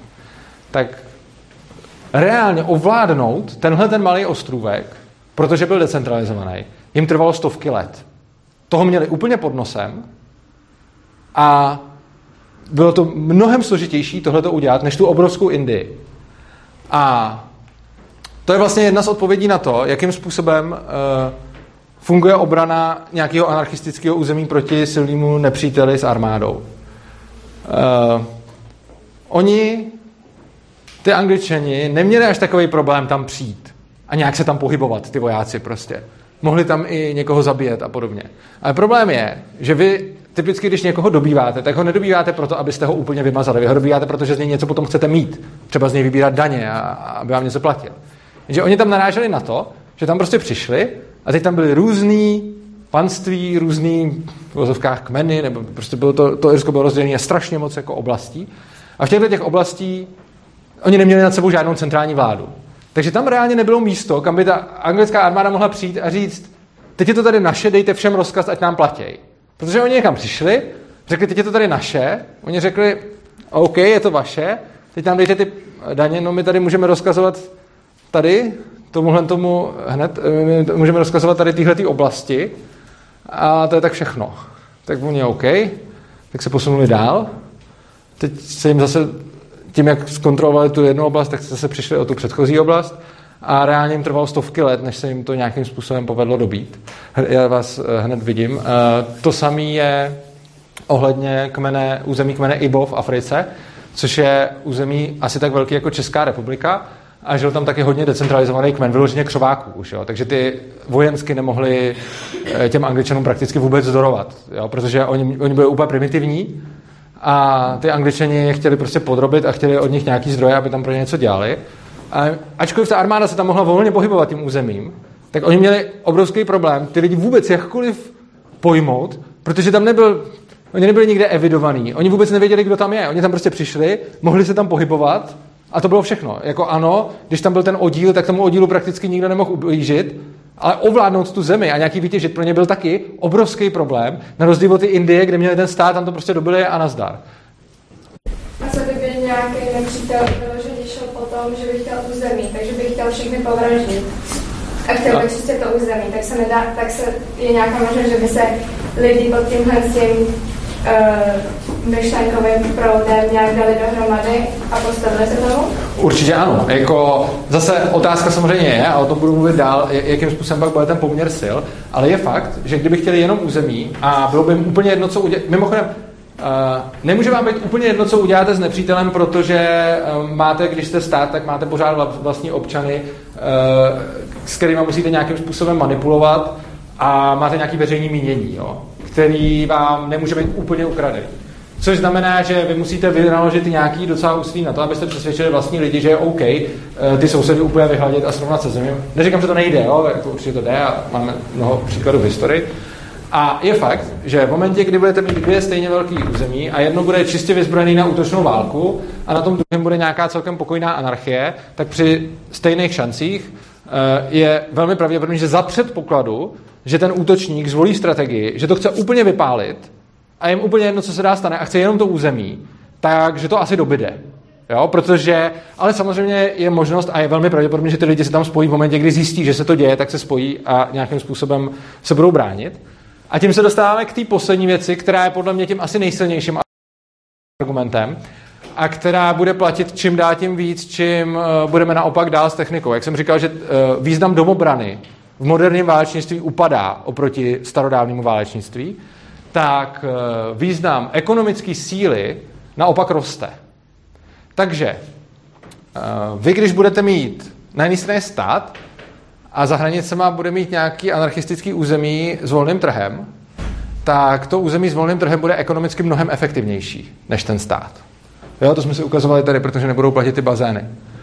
A v takovém případě ta už nebudeme uh, se bavit o střetu dvou stejně silných, ale v momentě, kdy je na, necháte 50 let růst, pokud se to samozřejmě povede, jo, ne, kdyby je hned sejmují, dokud jsou ještě silnější, tak, tak samozřejmě eh, vyhrajou, ale to platí vlastně i pro státy. Jo. Když máte jeden stát, který je prostě silnější než druhý, tak ho může reálně zabrat.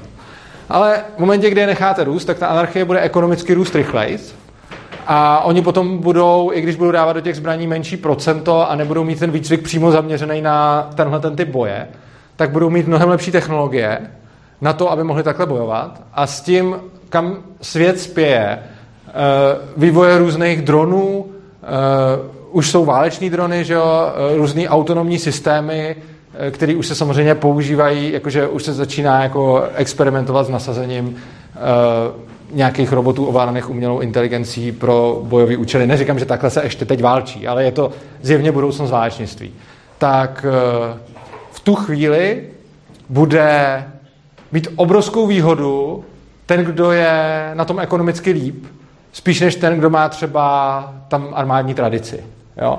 Takže čím dál bude technologie a čím víc se budou vést války pomocí dronů, robotů eh, a takových věcí, než pomocí klasických vojáků, což neříkám, že teď je, spíš, že k tomu spěje ten čas, tím větší šanci se bude mít ekonomicky silná anarchie ubránit ekonomicky slabšímu státu.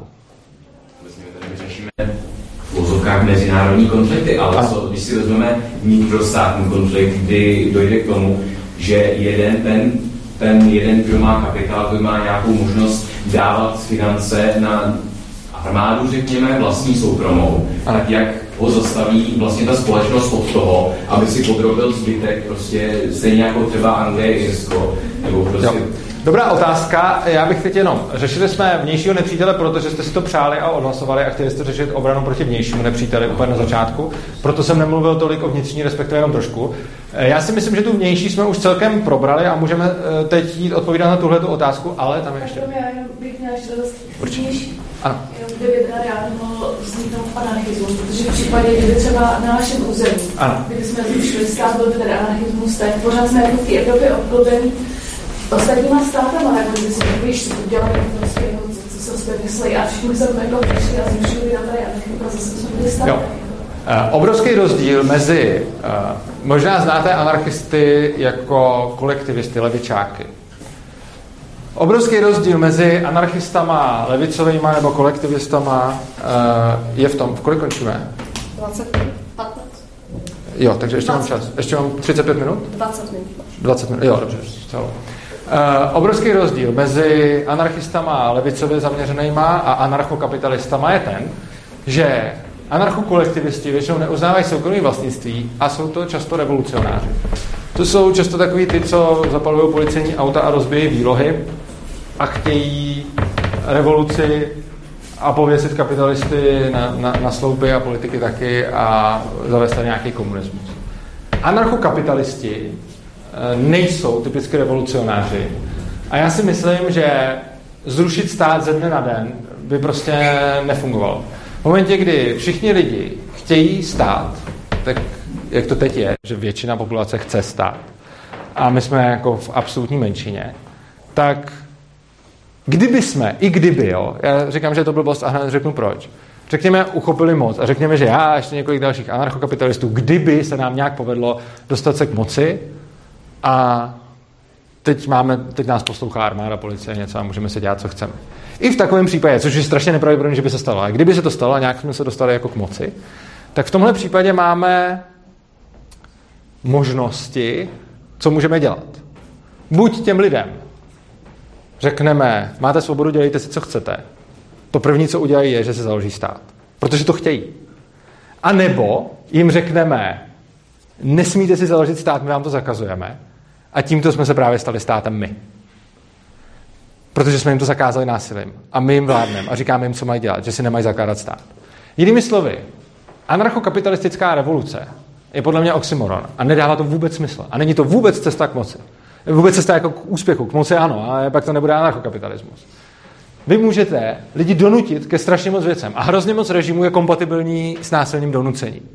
Vy můžete donutit lidi k tomu, aby budovali lepší zítřky a internacionálu a, a milovali Stalina, nebo milovali. Můžete je donutit k tomu, aby posílali židy do bytčákama do koncentráku. Můžete je donutit k tomu, aby se podřídili demokratickému hlasování. Ale nemůžete je donutit ke svobodě. Tu musí sami chtít. V momentě, kdy mi začnete vnucovat, tak tím jich mi berete. Což znamená, že nějaká rychlá změna ze dne na den je nesmysl. To prostě není reálně možný, ani prosaditelný, ani udělatelný a k ničemu dobrému by to nevedlo. Já kdybych teď měl tu možnost, že prostě teď můžu jako násilím vládnout a zrušit ten stát, tak když bych to udělal, tak vy se ho hned založíte znova, nebo já musím být tyran. Já nechci být tyran. Takže tou cestou k tomuhle je postupně přesvědčovat lidi a postupně napřed zvrátit to, že stát se pořád zvětšuje a jeho moc neustále roste.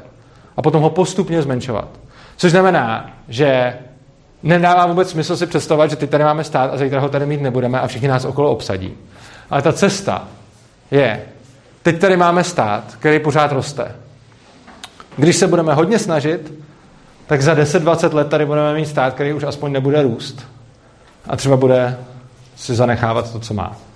A třeba na sklonku mého života, prostě za 40 let, ten stát se bude pomalinku třeba zmenšovat. Pozor, pořád mluvím o tom strašně optimistickém případu.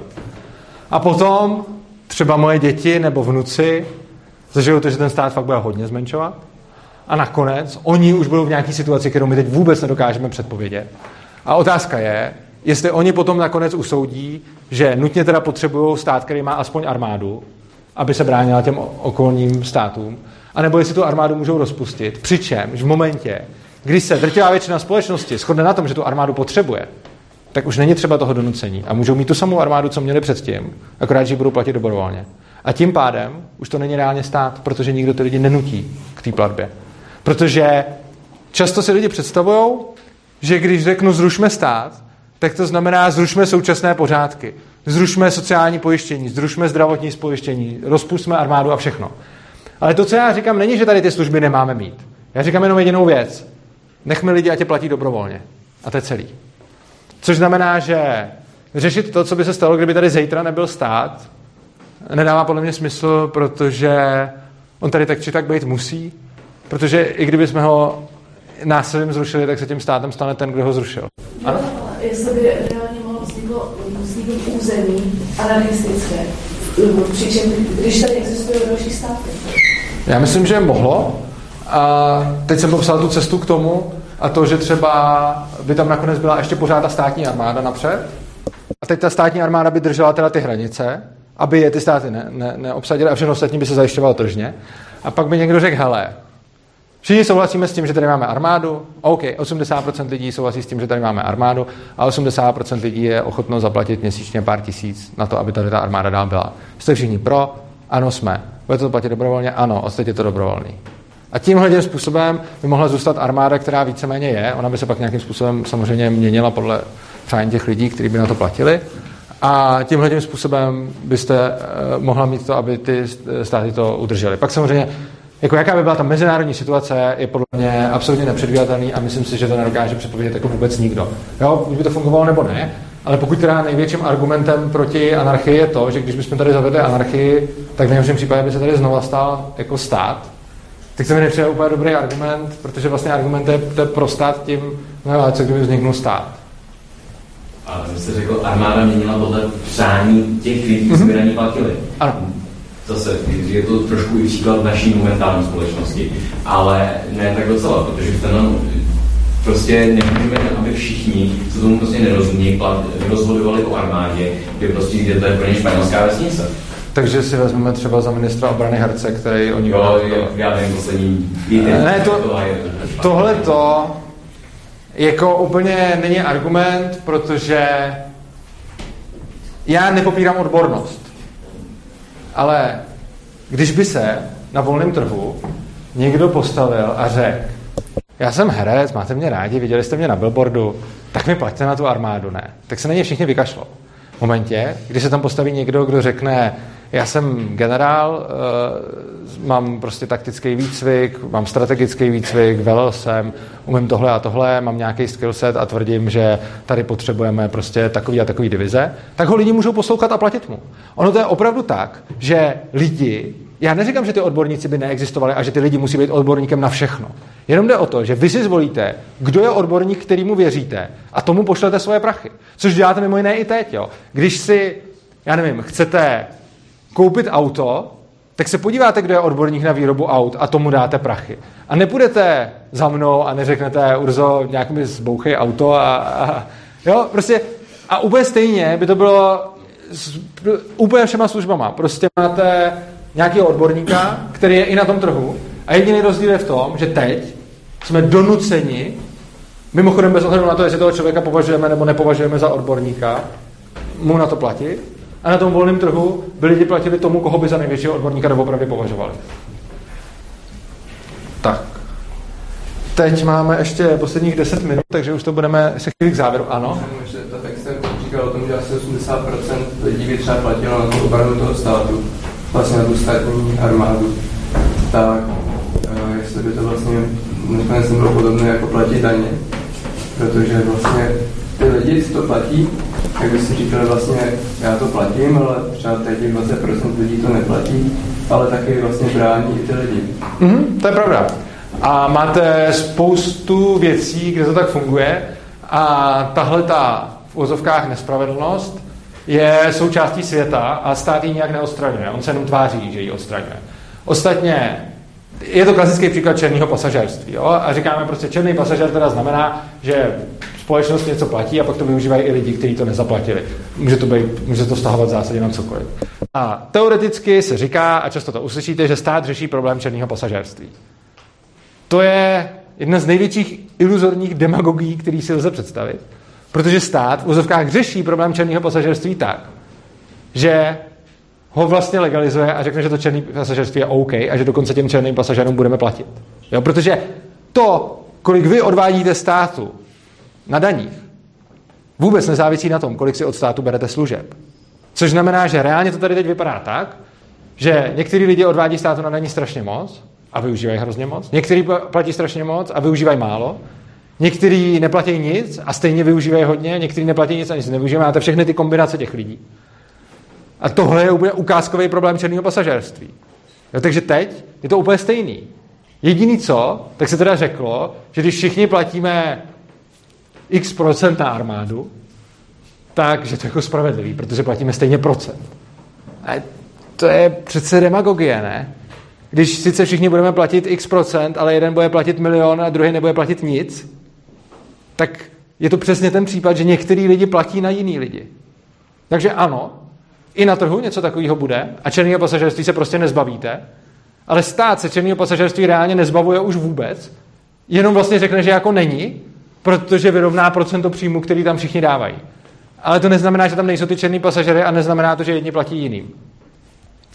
Já se chci trochu možná od věci, ale e, jak by to, dejme tomu, že by tady třeba byl teda ten an- anarchismus, tak třeba důchody nebo lidi, kteří reálně nemůžou pracovat a nějak si vydělat ty peníze, tak Jo, to je... Hm. Ono, máme už asi posledních 8 minut a je to poměrně, poměrně těžký téma, ale e, za prvé, jak jsem říkal, není to o zrušení všeho ze dne na den. Je to o nějakém postupném procesu. Což znamená, že lidi by z ničeho nic nepřišli o důchody. Oni už by samozřejmě věděli, že se to blíží, protože eh, od instalace státu reálně bude trvat jako x generací, takže oni už se budou za mlada moc připravit za to, že nebudou mít ty důchody. Jo. Což už mimochodem teď jako je otázka, vy jste si tak jistý, že budete mít od státu důchody? Já bych si na vašem míst- místě úplně stejně nebyl. Že? A já si třeba na důchod, já se na důchod zařizuju úplně jako stranou od, eh, jako od státu, protože mu úplně nevěřím tomu, že by, že by mi dal nějaký důchod. Ale jde o to, že vy posílíte v lidech nějaký pocit odpovědnosti a výsledkem toho je, a teď to vezmu strašně hopem, jo, protože na tohle to jsem měl třeba přednášku, která trvala dvě hodiny a teď vám něco řeknu během dvou minut, tak chápu, že v tom bude spousta děr. Ale principiálně, ten úplně hlavní jako problém je, že když říkáte lidem, stát je za vás odpovědný a on to zařídí, tak v nich podporujete to, aby se o to nestarali. Jo? Takže i lidi, kteří by se mohli o sebe postarat, to nedělají, protože nemusí. To není chyba těch lidí. Jo? Strašně moc, a vy jste tady zmiňoval pravičáky, strašně moc pravičáků nadává těm jako nemakačenkům a tak dále a nadávají na ně, že je to jejich chyba. A já si myslím, že to není jejich chyba. Já si myslím, že je to primárně... eh, Co? Není to spíš věc levičáků a socialistů než pravičáků? No pravičáci nenadávají, ne? Na ty nemakačenka než levičáci. Mně teda přijde, že na takovýto lidi, co nemakají, tak to, ty jsou většinou trhem v oku pravičákům, ale OK. Tak často na ně nadávají a říkají, to jsou ty nemakačenka, ty za to můžou, ty nás vysávají, ty na nás parazitujou. A reálně, podle mě je to ten stát, kdo na nás parazituje. A ten stát jim říká, to, co děláte, je OK a my vám budeme platit, protože je to vaše právo. A tímhle tím způsobem, čím víc podporujete nezodpovědný lidi, tím víc jich pak v té společnosti budete mít. Zcela logicky. A není to jako nic divného, ono je to úplně logický. Prostě když snížíte dopady těch jejich rozhodnutí, těch jako nezodpovědných rozhodnutí, tak jich víc to bude dělat. To je jako první věc. A to je asi úplně nejzásadnější.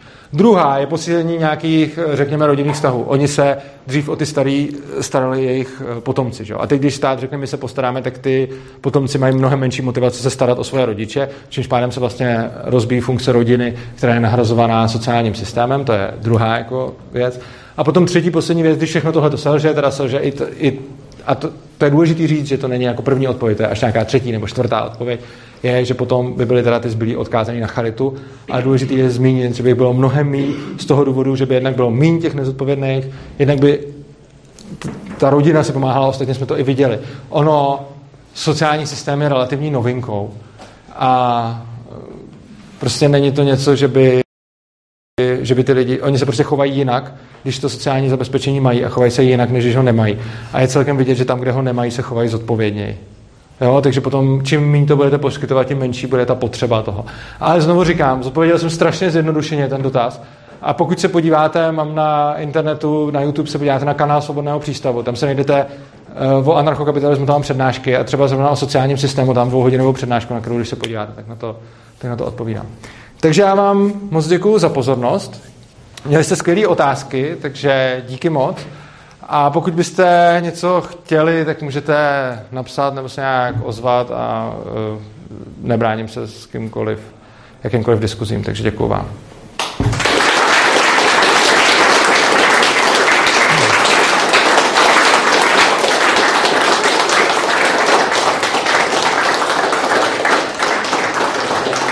Ještě prosím, ještě jednu otázku. Eh, Kdo z vás na cokoliv z toho, co jsem tady říkal, eh, aspoň nějak změnil názor? Přesvědčil jsem kohokoliv o čemkoliv, třeba, že jste si říkal, jo, tady jsem se něco nového dozvěděl. Wow, to jsem ani nečekal, děkuji. Skoro všichni, super. Tak jo, Děkujeme, prosím vás, technicky dotaz, pokud jste se ještě jako ne, nepodepsali na prezentačku, tak teď. Moc krát děkujeme že jste přišel přednášet. Díky. No a pozornost děkuji. školy. Děkuji.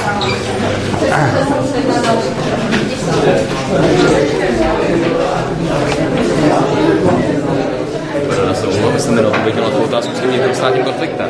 Uh, jakou otázku? Otázka s vnitrostátním konfliktem byla ta, že jak jakoby zastaví ten stát, no ne stát, jakoby prostě lidi zastaví toho nikoho, kdo má ten kapitál od- jo, no jo, já a jsem to je na to mě neodpověděl. docela zásadní otázka. Uh, jo.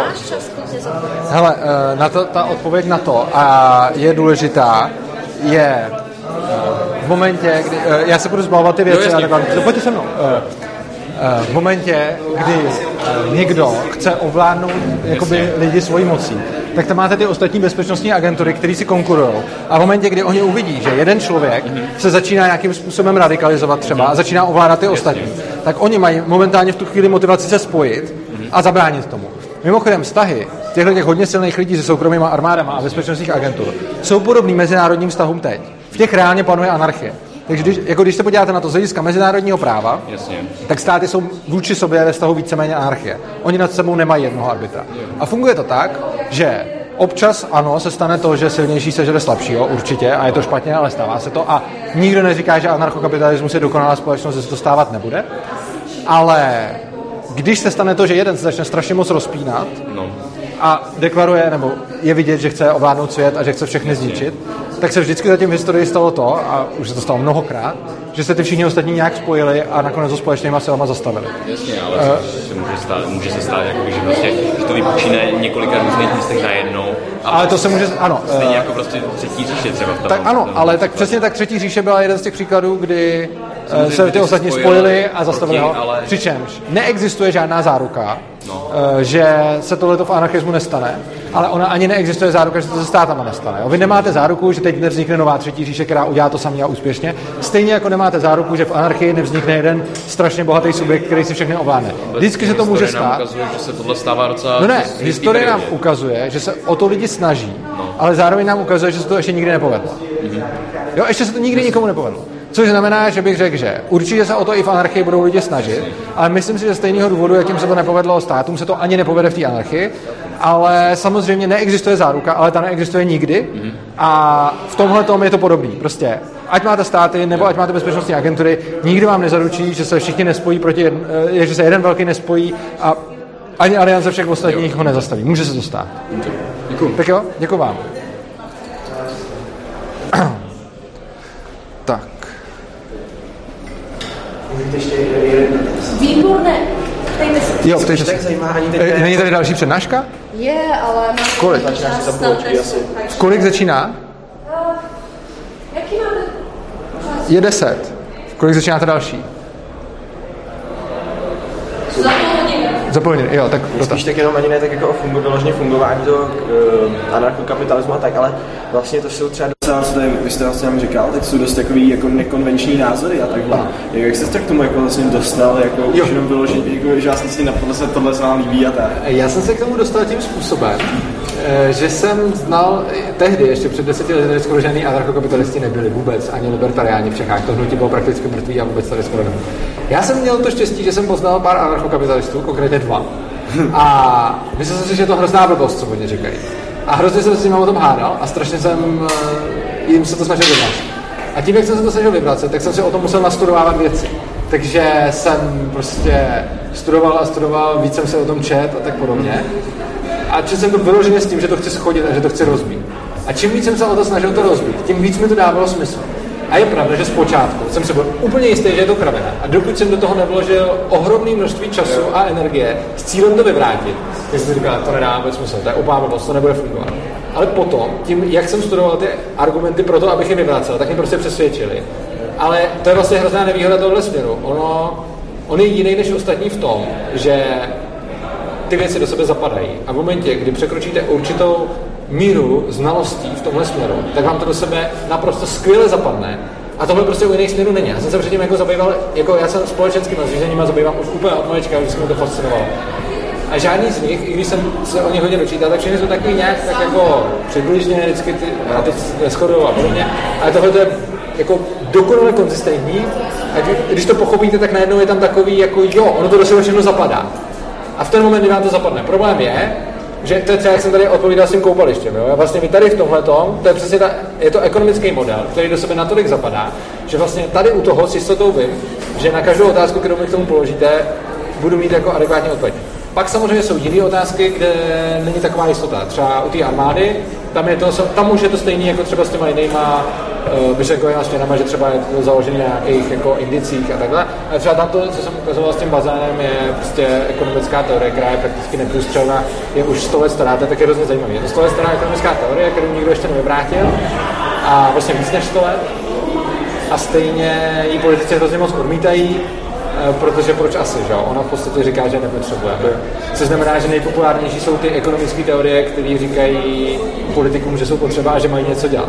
Tohle je rakouská ekonomická škola, a to říká politiku, nemáte nic dělat a bude dobře. U podivu v uvozovkách pak nikdo A třeba myslíte ještě, jako, že když vezmete třeba současné jako strany, ať už parlamentní nebo neparlamentní, tak jako máte tam třeba nějaký, jako prostě s kýmkoliv vlastně nějaký jako, jsme jako je částečný myšlenkový průnik? Částečný myšlenkový průnik s někým mám, ale je to obecně dost bída. Takže uh, rozhodně se nechci k žádné straně hlásit, protože neexistuje žádná strana, která by reprezentovala moje myšlenky a to, co já chci. Ale samozřejmě jsou strany, které jsou podle mě strašně nebezpečné, jsou strany, s kterými se shodnu víc, jsou strany, kterými se shodnu méně a není žádná, s kterou by se shodnu úplně. Jo, a třeba myslíte jako třeba s Pirátem, že by tam byla nějaká, větší Piráti jsou obrovský socialisti. A oni sice mají na jednu stranu jakoby takovou svobodu a tváří se těsně svobodu mysleně a antisystémově, ale za prvé je to pouza a za druhé oni prostě chtějí stejné regulace jako ty ostatní, akorát, že chtějí regulovat něco jiného. Což znamená, že oni chtějí dosáhnout svobodu přes teď součást síťovou neutralitu. Což jsou v podstatě regulace internetových providerů. Takže oni jenom prostě řeknou, nebudeme regulovat taxikáře, ale budeme regulovat uh, dodavatele internetu. Jo. Takže je to prostě o tom, že oni si vytipovali cerku a i mezi mladýma lidma a na tohle to hrajou. Ale jsou to podle mě úplně stejní regulátoři jako všichni ostatní, jenom chtějí regulovat věci, které jsou mezi mladýma lidma tolerovatelné k regulaci a nechtějí, tolerovat, nechtějí regulovat eh, takové ty standardní věci. Takže lidi se v podstatě v tom, jaký věci chtějí regulovat. Vám děkuju. Díky moc. Dobrý dotaz. Mějte se.